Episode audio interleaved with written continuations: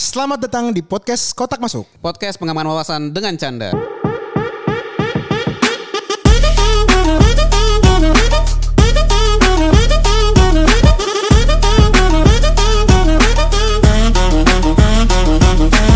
Hola Niko. Halo Bang Moses. Wah ini ketemu lagi kita ya. Ketemu lagi setelah kita sebelum-sebelumnya tuh tek-teknya emang rada-rada kurang serius ya Bang. Udah sama istri waktu itu ya kan. Gila istri sampai di bawah loh episode kita loh Nik. Iya biasa lah, tapi kan emang kita keburu ya, nggak kepet nggak keburu lah, ke- Iya. lumayan kepepet gitu bikinnya. Jadi ya ya yang bisa ditarik siapa ya istri kita tarik. Dan ini juga kita tarik orang nih di saat episode kita pertama kali ada visualnya. Benar. Nah, jadi kita teman-teman podcast Kotak Masuk, halo saya Moses ya kan, baru Saya pertama Niko. kali kan. Lambaikan tangan ya Nik ya. Lo bilang ya, udah gak kuat ya. Sama kita kenalan dong, teman kita nih di tengah Siap. nih Nik. Halo semuanya. Halo halo, siapa bang? Namanya bang? Eh, Ara, kenalin gue Ara. Ih, nama asli atau gimana bang? Panggilan? Nama singkatan. Singkatannya? Singkatan. Panjangan Eh, dari Aditya Rian Anggoro, tapi karena terlalu banyak Adit Aditya. dan terlalu banyak Rian Hah? di dunia ini, jadi eh, disingkat jadi Ara. Itu kayak pohon ya, pohon ara ya. Benar dalam beberapa mitologi ada. Wih, Wih, lu paham juga lu Bang ya? dulu ada dongeng singkat gua. Eh, asal nggak dipangkat dua aja arahnya. Ya Oh, itu oke. itu loh yang lucu. itu loh yang lucu. ya, jadi tolong tolong jangan dibahas di sini. Iya iya iya iya. Kok jadi pangkat dua? Ra, lu kenal sama Niko di mana, Ra? Eh, kebetulan dulu satu kampus, walaupun dulu bukan teman main, tapi eh, kita satu kampus di eh, Depok dulu. Wih, Depok City lagi nih Depok ya. City, gue mengagumi Ara lah sebagai Ih, seorang apa yang dikagumi Nik? aktivis kampus. Gitu. Wih. Pokoknya kalau ada hubungannya sama entrepreneurship, selalu Ara yang gak cuman sebagai seorang figur yang nongol tapi Hmm. mendorong. Contohnya kayak gimana tuh kalau boleh tahu di kampus? Lu seperti di project officer di beberapa event Betul, entrepreneurship betul, ya. Project betul. officer tuh kayak pimpro, pimpro. Oh, jadi kayak acara entrepreneur gitu di Iya. kampus. Oh, menarik ya. Lu kenapa mau ke arah entrepreneur apa pas di kampus, Ra? Eh, pertama dulu pengennya ya lagi kuliah pengen punya duit itu Oh, kan ya pasti dong. sederhana ya gitu Iya. semua semua orang Pasti. semua mahasiswa kan eh, aspire untuk punya duit tambahan lah Betul. gitu. cuman emang dari dulu gue penasaran gimana ya kalau gue lulus tapi eh, gue nggak mau bangun pagi gitu Oh, lu mau lulus tapi nggak usah bangun pagi. benar gua mau Bagus ya punya visinya ya ke depan ya. yang- benar gue nggak bisa bangun pagi gue mau cari kerjaan yang gue nggak perlu bangun pagi gitu Dan akhirnya lo dapet nih. Benar, jadi dulu akhirnya gue ketemu lah satu circle di eh, kampus yang kira-kira sama punya value-nya gitu. Kalau eh gimana ya kalau eh, entrepreneurship nih didorong gitu, gimana ya kalau eh, orang tuh sebenarnya jangan cari kerja tapi bikin kerja gitu, bikin Waduh, kerjaan. Jarang tuh.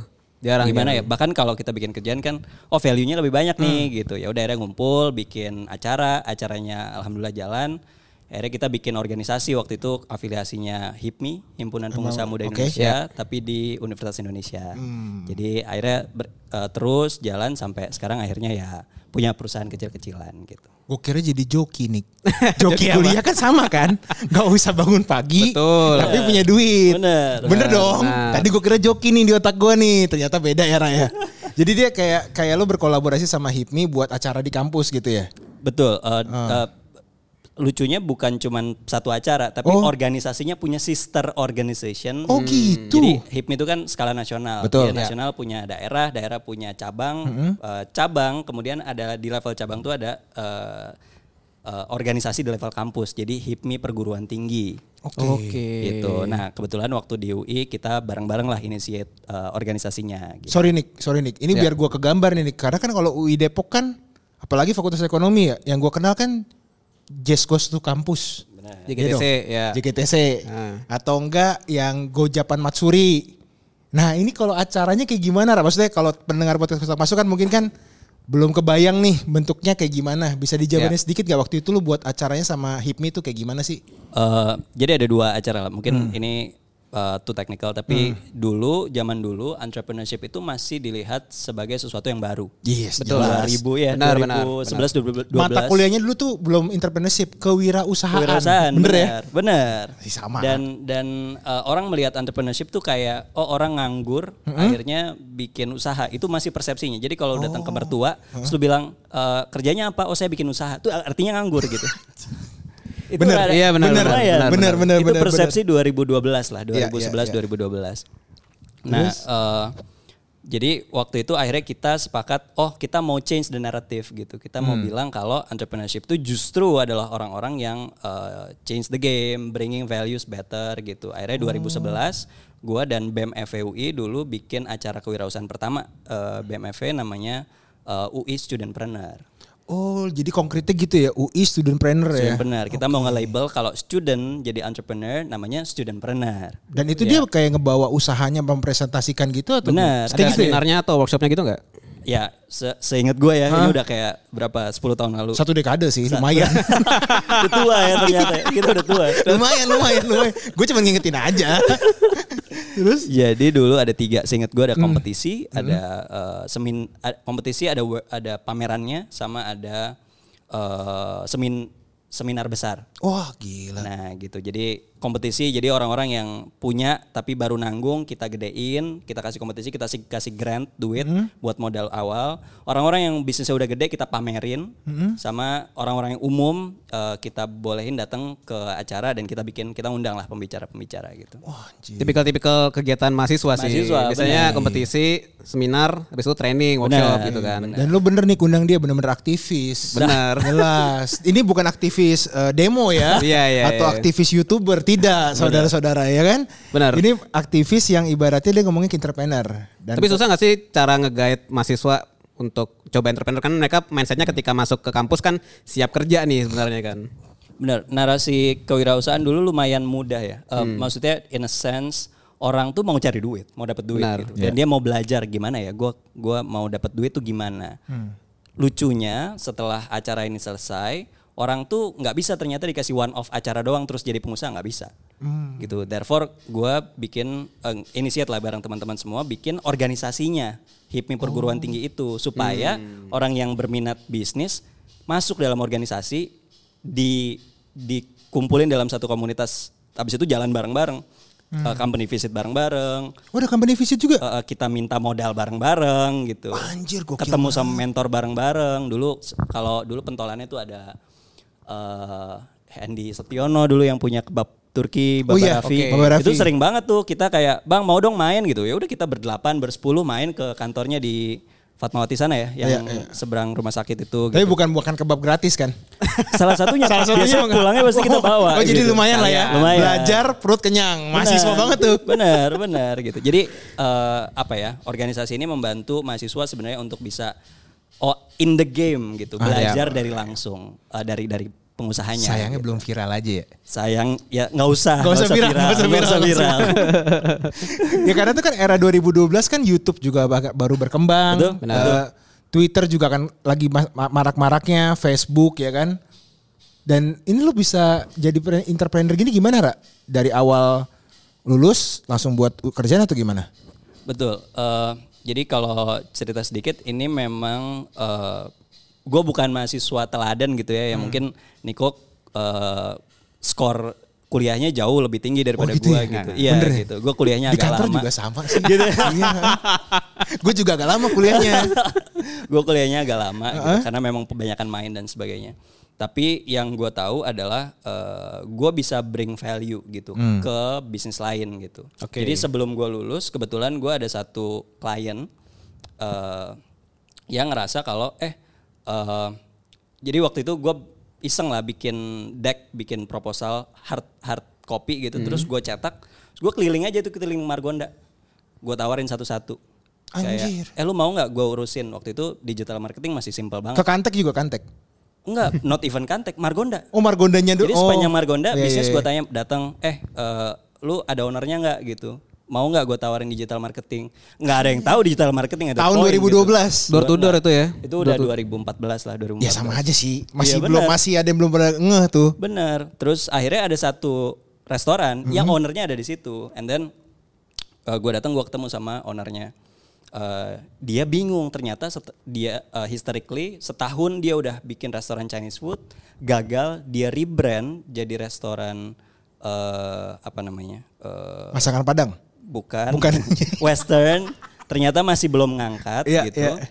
terus akhirnya oh eh, ketemu nih sama orang yang menjanjikan something yang oh gue belum pernah dengar gitu. Akhirnya ngobrol akhirnya deal. Turns out tiga bulan gue pegang salesnya lonjak dari minus jadi ratusan juta gitu. Gila, dia tapi benar-benar tapi nge-remodeling dulu bisnisnya ya, diulang lagi. Menu-menunya jadi nggak Chinese food doang gitu. Enggak, bahkan waktu gue datang udah jadi western. Oh, udah jadi western. udah jadi western.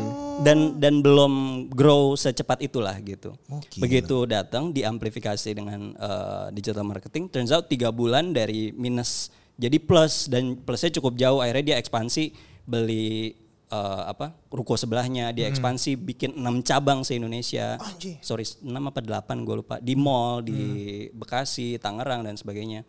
Dia bikin restoran baru dan sebagainya. Jadi ada ada added value yang waktu itu gue ngerasa oh ternyata digital marketing works nih dan bisa deliver value akhirnya gue gedein dari situ sampai sekarang. Gitu. Oke, nah ini alasan gue ngundang Ara nih. Gimana? Karena lu kan punya startup. Ya. Gua Wah, iya. sedang mempersiapkan startup. nah, Betul, karena gue pernah, gue udah pengalaman kerja di korporasi mungkin 8 tahun dan gue melihat praktek-praktek korporasi. Oh, korporasi itu digital marketingnya seperti ini. Nah, Iya. tapi kayaknya kalau startup sama korporasi besar, startup itu dalam arti UMKM ya, bukan Hmm. startup yang digital tech gitu, Iya, nggak nggak harus seperti itu definisinya. Nah, itu kayaknya beda deh caranya, karena budgetnya juga beda, target marketnya juga mungkin beda gitu. Nah, podcast utama ini kan kayak kita berusaha kita sendiri belajar tapi syukur-syukur yang dengerin juga belajar kan. Nah, Iya. satu topik yang gue pengen deng- dalemin adalah digital marketing. Makanya gue ngundang Ara untuk bisa ngasih sharing-sharing lah gitu. Nah tapi tadi Ra, kalau dari Niko bilang bedanya apa sih Ra? Kalau menurut lo ya antara digital marketing yang startup mungkin yang lagi UMKM sama sta- eh, digital marketing yang udah korporat Ra.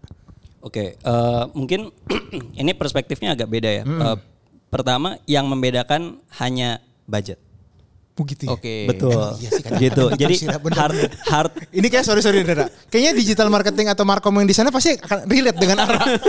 Kayaknya nggak dari. Nih, Karena kan kalau kita setiap akhir tahun atau awal tahun kan budget marketing kan masih bagus. Benar. Tengah tahun kayaknya pangkasnya deh. ya? Udah mulai dilihat ini mana nih hasil yang Januari kemarin?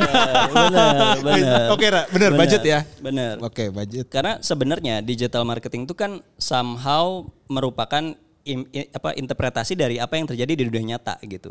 Eh, Zaman dulu pubs and moms shop gitu ya, eh, pinggir jalan, restoran, pa- eh, padang pinggir jalan 20 tahun lalu sebelum kenal digital marketing atau sebelum ada internet gitu Ya. bahkan itu kan ya eh apa ya kalau kita pakai framework AIDA awareness interest desire action Oh, itu kan yes, iya, iya, benar, misalnya lu lewat jalan raya nih lewat Cipete nih terus ada Baliho. restoran gitu Oh, iya, oke. terus kemudian lewat eh ada restoran baru.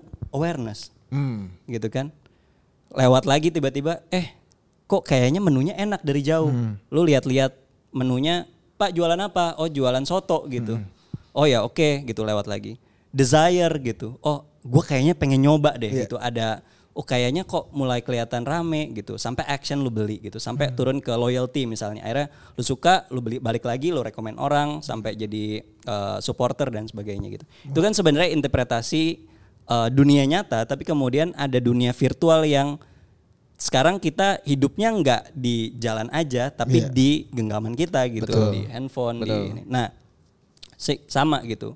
Yang membedakan adalah eh, kalau journey customer selama ini itu di jalan kita nggak kita bolak-balik 20 kali oh beda deng sorry kalau lu taruh eh, restorannya di Prime itu kan harganya beda Iyalah. jalan Prime kan beda sama Ya. kalau lu taruh di Gang. gang. gitu. Sama juga internet juga gitu. Kalau lu taruh di eh, apa? Taruh store-nya itu dengan budget yang lebih besar tentu akan dapat exposure lebih tinggi. Therefore eh, dapat traffic lebih tinggi. Dan awareness tadi ya. Benar. Jadi Itu bener loh nih. Tadi kemarin nih gue baru lewat nih di Tangerang. Ada satu restoran tau gak tulisannya apa? Satu tiket Coldplay sama dengan seribu sayur asem. Lo bayangin siapa yang mau makan seribu sayur asem? Tapi gara-gara itu gue besok mau mampir. Karena saya rasa Karena sayur asem. Satu, jadi dia tulisnya gini. Satu tiket cosplay, eh kok cosplay lagi, Coldplay. Satu tiket Coldplay sama dengan seribu sayur asem. Ah. Kan langsung dapat awareness kan gue. Ini gratis gak ya? Itu udah gitu loh, udah, udah kejebak gue nih. Tapi gue pikir-pikir, nggak gratis. Kan sama dengan, bukan free kan. Itu itu tapi memang AIDA tadi tuh ya, awarenessnya untuk kita dapat message-nya dari restoran itu ya, Ra ya? Benar. Eh, yang gue mau eh, sampaikan adalah pertama eh, internet itu bukan barang asing gitu. Iya. Iya. Internet itu sesuatu yang sebenarnya berangkatnya dari consumer behavior, dari kita as a human, tapi journey-nya beda. Apa yang kita lalui setiap hari beda gitu. Iya iya iya, antara di jalan sama di genggaman tang genggaman tangan ya. Betul. Ya genggaman tangan bener sih dari pagi kan masuk WC dulu kan. Benar. Udah gue gak mau bahas Karena ada videonya Karena ini gak bisa diedit Ya pokoknya eh, beda lah Yang lo nyetir Sama lo bawa handphone setiap hari ya Ra ya Benar. Oh dan budgetnya tadi Itu dua-duanya juga beda ya Benar. Nah, eh, in case of jadi sebenarnya ada ada banyak sih eh, sisi yang mungkin eh, dirangkumnya agak sulit ya. Tapi kalau ngomongin bedanya apa? Big corporation sama small corporation versus budget adalah sebenarnya objektifnya dulu. Oh goalsnya. Goalsnya, Goalsnya ya, ya, ya. gitu. Biasanya apa kalau yang UMKM Misalnya gini, kalau kita mau jualan air mineral eh, se-Indonesia, tentu saja akan lebih mahal kalau kita jualan restoran Padang yang hanya mau jualan se-Cipete Raya. Oh iya dong. Gitu kan. Iya dong. Jadi tingkat uh, brand awareness yang harus dicapai kan orang harus tahu dulu sebelum beli. Iya Orang yang harus tahu restorannya atau harus tahu barangnya lebih sedikit, orang yang makan lebih sedikit. Jadi bayangkan itu kayak berapa orang yang harus tahu, nanti dia turun kan. Orang yang tahu ini orang minat. Berapa orang yang minat, berapa orang yang beli gitu. Itu akan jadi funnel ke bawah gitu. Oh iya iya iya Pernah pernah lihat gue tuh Benar. Kayak corong minyak tanah kan Benar. Iya iya. Bener dong Benar benar. Gue gak salah dong Benar benar. Buat ngisi bensin Benar. ya, buat Iya, ngisi bensin kayak corong minyak ya. tanah. Benar. Dan make sense sih kayak waktu kita, lo mungkin bisa cerita juga nih terkait yang Instagram kan kita pernah nyoba pakai ads- AdSense-nya itu Nick ya. Ya, Oh, jadi kalau podcast Kota Masuk tuh hari ini kita kan newbie lah ya di Ya. dunia podcast gitu. Jadi kita selalu gue sama Moses selalu berpikir gimana nih cara kita ngegedein market kita. Karena selama ini kita cuman lewat WA gitu kan. Kalau ada episode baru kita broadcast. Misalnya Ara juga kan berapa kali terima broadcastan gue kan. Ya. gue juga milih-milih sih di grup ini episode mana nih yang pas Iya, gitu. iya, iya. nah akhirnya tapi gue juga tahu bahwa di Instagram itu eh, orang sering lihat kan buka reels, buka story. Nah kita mikir gimana caranya ya. Gue tuh punya kita punya Instagram itu nggak cuman ada tapi muncul di beberapa eh, Instagram orang lain gitu. Karena gue ngerasa kayaknya kita percuma deh semakin banyak kita ngepost tapi kok nggak ada yang lihat ya. Kok yang eh, apa impressionnya kok kecil ya gitu. Nah padahal budget kita juga sangat terbatas gitu. Jadi ya walaupun gue sama Moses punya eh, uang lah ya, tapi kita juga mikir ini sebagai enterprise kan, small enterprise juga gitu podcast kita masuk. Nah itu gimana ya eh, kita bisa ngoptimize? Tapi mungkin sebelum masuk situ, sebenarnya digital marketing itu apa aja sih sebenarnya makhluk apa sih sebenarnya ini yang gue masih belum tahu sih bang. Karena gue taunya ya cuman Facebook, Instagram, Twitter, udah gitu. TikTok masa nggak tahu sih. tahu. Kita tahu iya Nick, tapi belum tentu install. Iya iya. Iya. Kayak gimana Ra? bentuk jenis-jenis digital marketing dulu deh untuk awam deh atau dasarnya gimana Hmm. sih sebenarnya sih? Mungkin kalau di zoom out dulu, eh, digital marketing itu kan digital dan marketing gitu. Iya, Jadi jelas. sebelum ada digitalnya kan harus kenal dulu dulu, marketingnya betul. apa gitu kan. Eh, kebetulan dulu gue kuliahnya marketing, jadi basicnya sebenarnya marketing itself itu kan eh, gimana kita deliver value Iya. ke orang sehingga orang akhirnya uh, willing untuk nuker duitnya karena ngerasa barang yang ditukar itu lebih berharga daripada duit yang ditukar. Oke. Ya kan? oke. Misalnya Iya iya sih. uh, aqua ah, sorry uh, Air mineral, bisa di air mineral, ya. air mineral. Gak apa-apa, gak apa-apa. Ah, siapa tahu pas sponsor ya. Oh benar juga, benar juga. Gila lumayan kita di sponsor itu. Mampir dulu Iya gitu kan. mampir dulu. Terus terus. Uh, air mineral gitu Nah. kan. Um, kita beli harga 2000, apakah 2000-nya ini lebih berharga daripada uh, kita masak sendiri. kita masak sendiri Ya, atau kita mau minum gitu. Iya Jadi prinsipnya kan gitu. Sehingga uh, marketing adalah proses untuk bukan hanya membuat tapi juga menyampaikan, Hmm. mengkomunikasikan, memberikan pencerdasan terkait dengan produknya apa dan sebagainya. Itu kan satu cycle yang uh, terjadi di marketing gitu. Hmm. Digital memindahkan medium yang tadinya di dunia nyata ke dunia digital. Oke. So Tapi hmm, gitu ya. Sorry, berarti ya value-nya terus digital itu memang medium yang baru ya Ra ya maksud lu gitu ya? Betul. So when it comes to eh, jadi kalau lu nggak ngerti marketing, lu nggak ngerti digital marketing gitu. Ya pasti. Oke. Keywordnya itu bukan ngerti digital marketing atau ngerti digital, Marketingnya tapi ngerti dulu, marketing marketingnya dulu, dulu. gitu. Oh, iya, iya, If you do really well on marketing di dunia nyata, probabilitas lu excel di dunia maya jauh lebih baik gitu. Itu aja di dunia nyata marketingnya kita salah kaprah mulu ya nih kayak. Ya kita taunya kan bikin poster, Iya, tempel-tempel, tempel-tempel. pamflet. Bener. Atau kalau di kantor, di kantor tuh biasanya cuma research ya kan, Iya, research iya. research. Tapi padahal bener tadi value-nya dulu ya kan. Benar. Lu udah nyari ya tadi orang willing nggak untuk nuker uangnya dengan value barang lu atau value jasa lu kan. Benar. Contoh misalnya pijat ya kan. Contoh. Contoh. Pijat bersih sehat. Lu mau Ya, pijat sendiri ya kan? Atau mau pijat sama bombo kan terserah. Bener kan Ra? Iya dong. Bener, bener. dong. Lu mau Bener, pijat bener. sendiri ya terserah. 50 ribu lu mau ke lokasi terserah. Jadi udah ngerti di situ nih kayak. Ya. Oke, tadi tadi lanjutan pertanyaan lo Oh, apa? digital marketing ya. Nah, digital marketing karena kan kayak kita ambil contohnya kayak podcast kotak masuk Ya. lah gitu. Misalnya nih eh, kita masih newbie kan. Kira-kira lu ngarahin kita gimana nih? Karena tadi lu bilang step satu lu mesti tahu marketing dulu gitu kan. Nah, marketingnya podcast kira-kira bisa diarahin kayak gimana sih gitu sebelum nanti kita ngomong digital gitu. Oke, gue jawab ya tadi konteksnya di podcast eh, Kotak masuk. kotak masuk. Em, in general sebenarnya podcast itu kan pendengar tidak membayar pakai uang ya. Waktu tapi waktunya mungkin. Tapi waktunya. Tapi waktunya. Waktunya. Jadi currency pun itu bisa jadi nggak uang, tapi Betul. waktu eh, screen time, Ya. dan Place. sebagainya. Jadi eh, sehingga kalau ditanya, oh gimana ya cara ngegedein audiensnya, misalnya gitu, ya siapa? Kalau gua kan fansnya mungkin cuma cewek gua sama nyokap gua doang kan gitu. Iya. Tapi kalau yang diundang Aldi Taher mungkin se Indonesia Lagi happening sih. Bener. Lagi Gitu happening. kan. So, Bener-bener. orang akan nyari kan, orang akan merelakan screen time-nya, merelakan waktu Iya. pendengarannya Iya, iya. untuk dengerin ini gitu. Betul, betul. Atau misalnya topiknya gitu. Kalau topiknya eh, bagaimana mendapatkan satu triliun dalam tiga hari gitu, Pasti rame tuh. mungkin saja rame. Abis itu kita dipanggil OJK. Benar. Tapi ben- itu Ra, sorry Ra, itu kan misalnya kita ngomongin tentang viral lah. betul, Jadi kadang-kadang kan orang kan ngebuat clickbait. betul. Orang ngebuat suatu momen yang tidak wajar menjadi wajar gitu Betul. kan. Itu kan yang ngebuat orang akhirnya berpindah nih. Betul. Nah, cuman kalau misalnya kita sebagai podcast otak masuk konsisten nih Ra dengan eh, konten kita yang ngomongin tentang keuangan, Ya. kita ngomongin tentang Bisnis. eh, bisnis, Ya. ya kan. Menurut lo tadi ketika lo ngomongin tunnel tadi ya, yang kayak corong minyak tanah itu ya, Ya. kita kan udah tahu nih audiens kita. Kita udah tahu juga mungkin ya kita nggak usah se Indonesia Raya lah, Ya. sejakarta Jabodetabek Raya dulu lah ya. ya kan. Jadi kita udah kerucutin lagi. Terus dari sisi pendengar kita kebanyakan cowok, Ra. Cowok dengan umur 20 sampai umur 35. I see. Paling banyak tuh. Otomatis yang gue pikir kan, kita undang narasumber cewek. Mungkin nanti mereka tertipu dikit nih. Depannya Ara, pas dibuka, wah gondrong.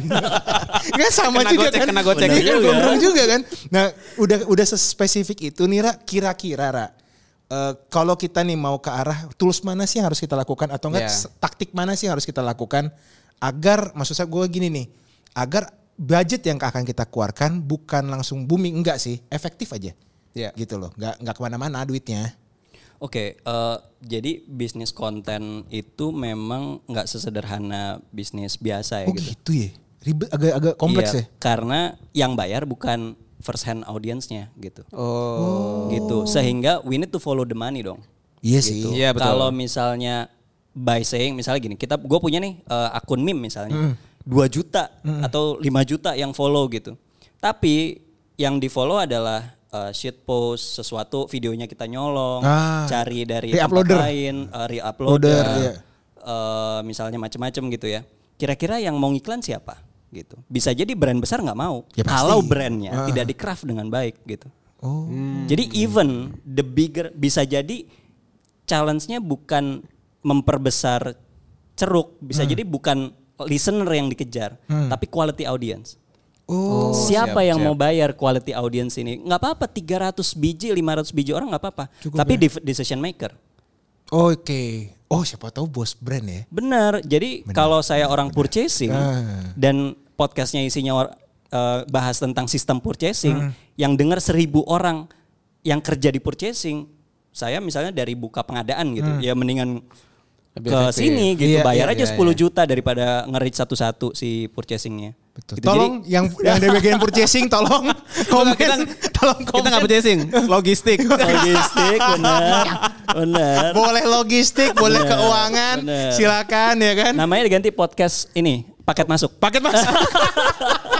Ide bagus. Lucu, lucu, ide lucu, bagus, lucu, ide lucu. bagus, ide bagus. Oh jadi lebih ke arah eh, tadi kualitinya ya Ra ya? Betul. uh, in, in a sense bahwa kita, we need to follow the money dulu gitu. Hmm. Siapa yang willing untuk pay this content? Karena kan pasti, maksudnya waktunya Mas Moses, waktunya Niko kan uh, apa ya valuable untuk Ya. kemudian deliver uh, value ini gitu. Ya. Betul. Masalahnya orang yang dengerin ini screen time-nya atau sua- waktunya itu berharga untuk siapa?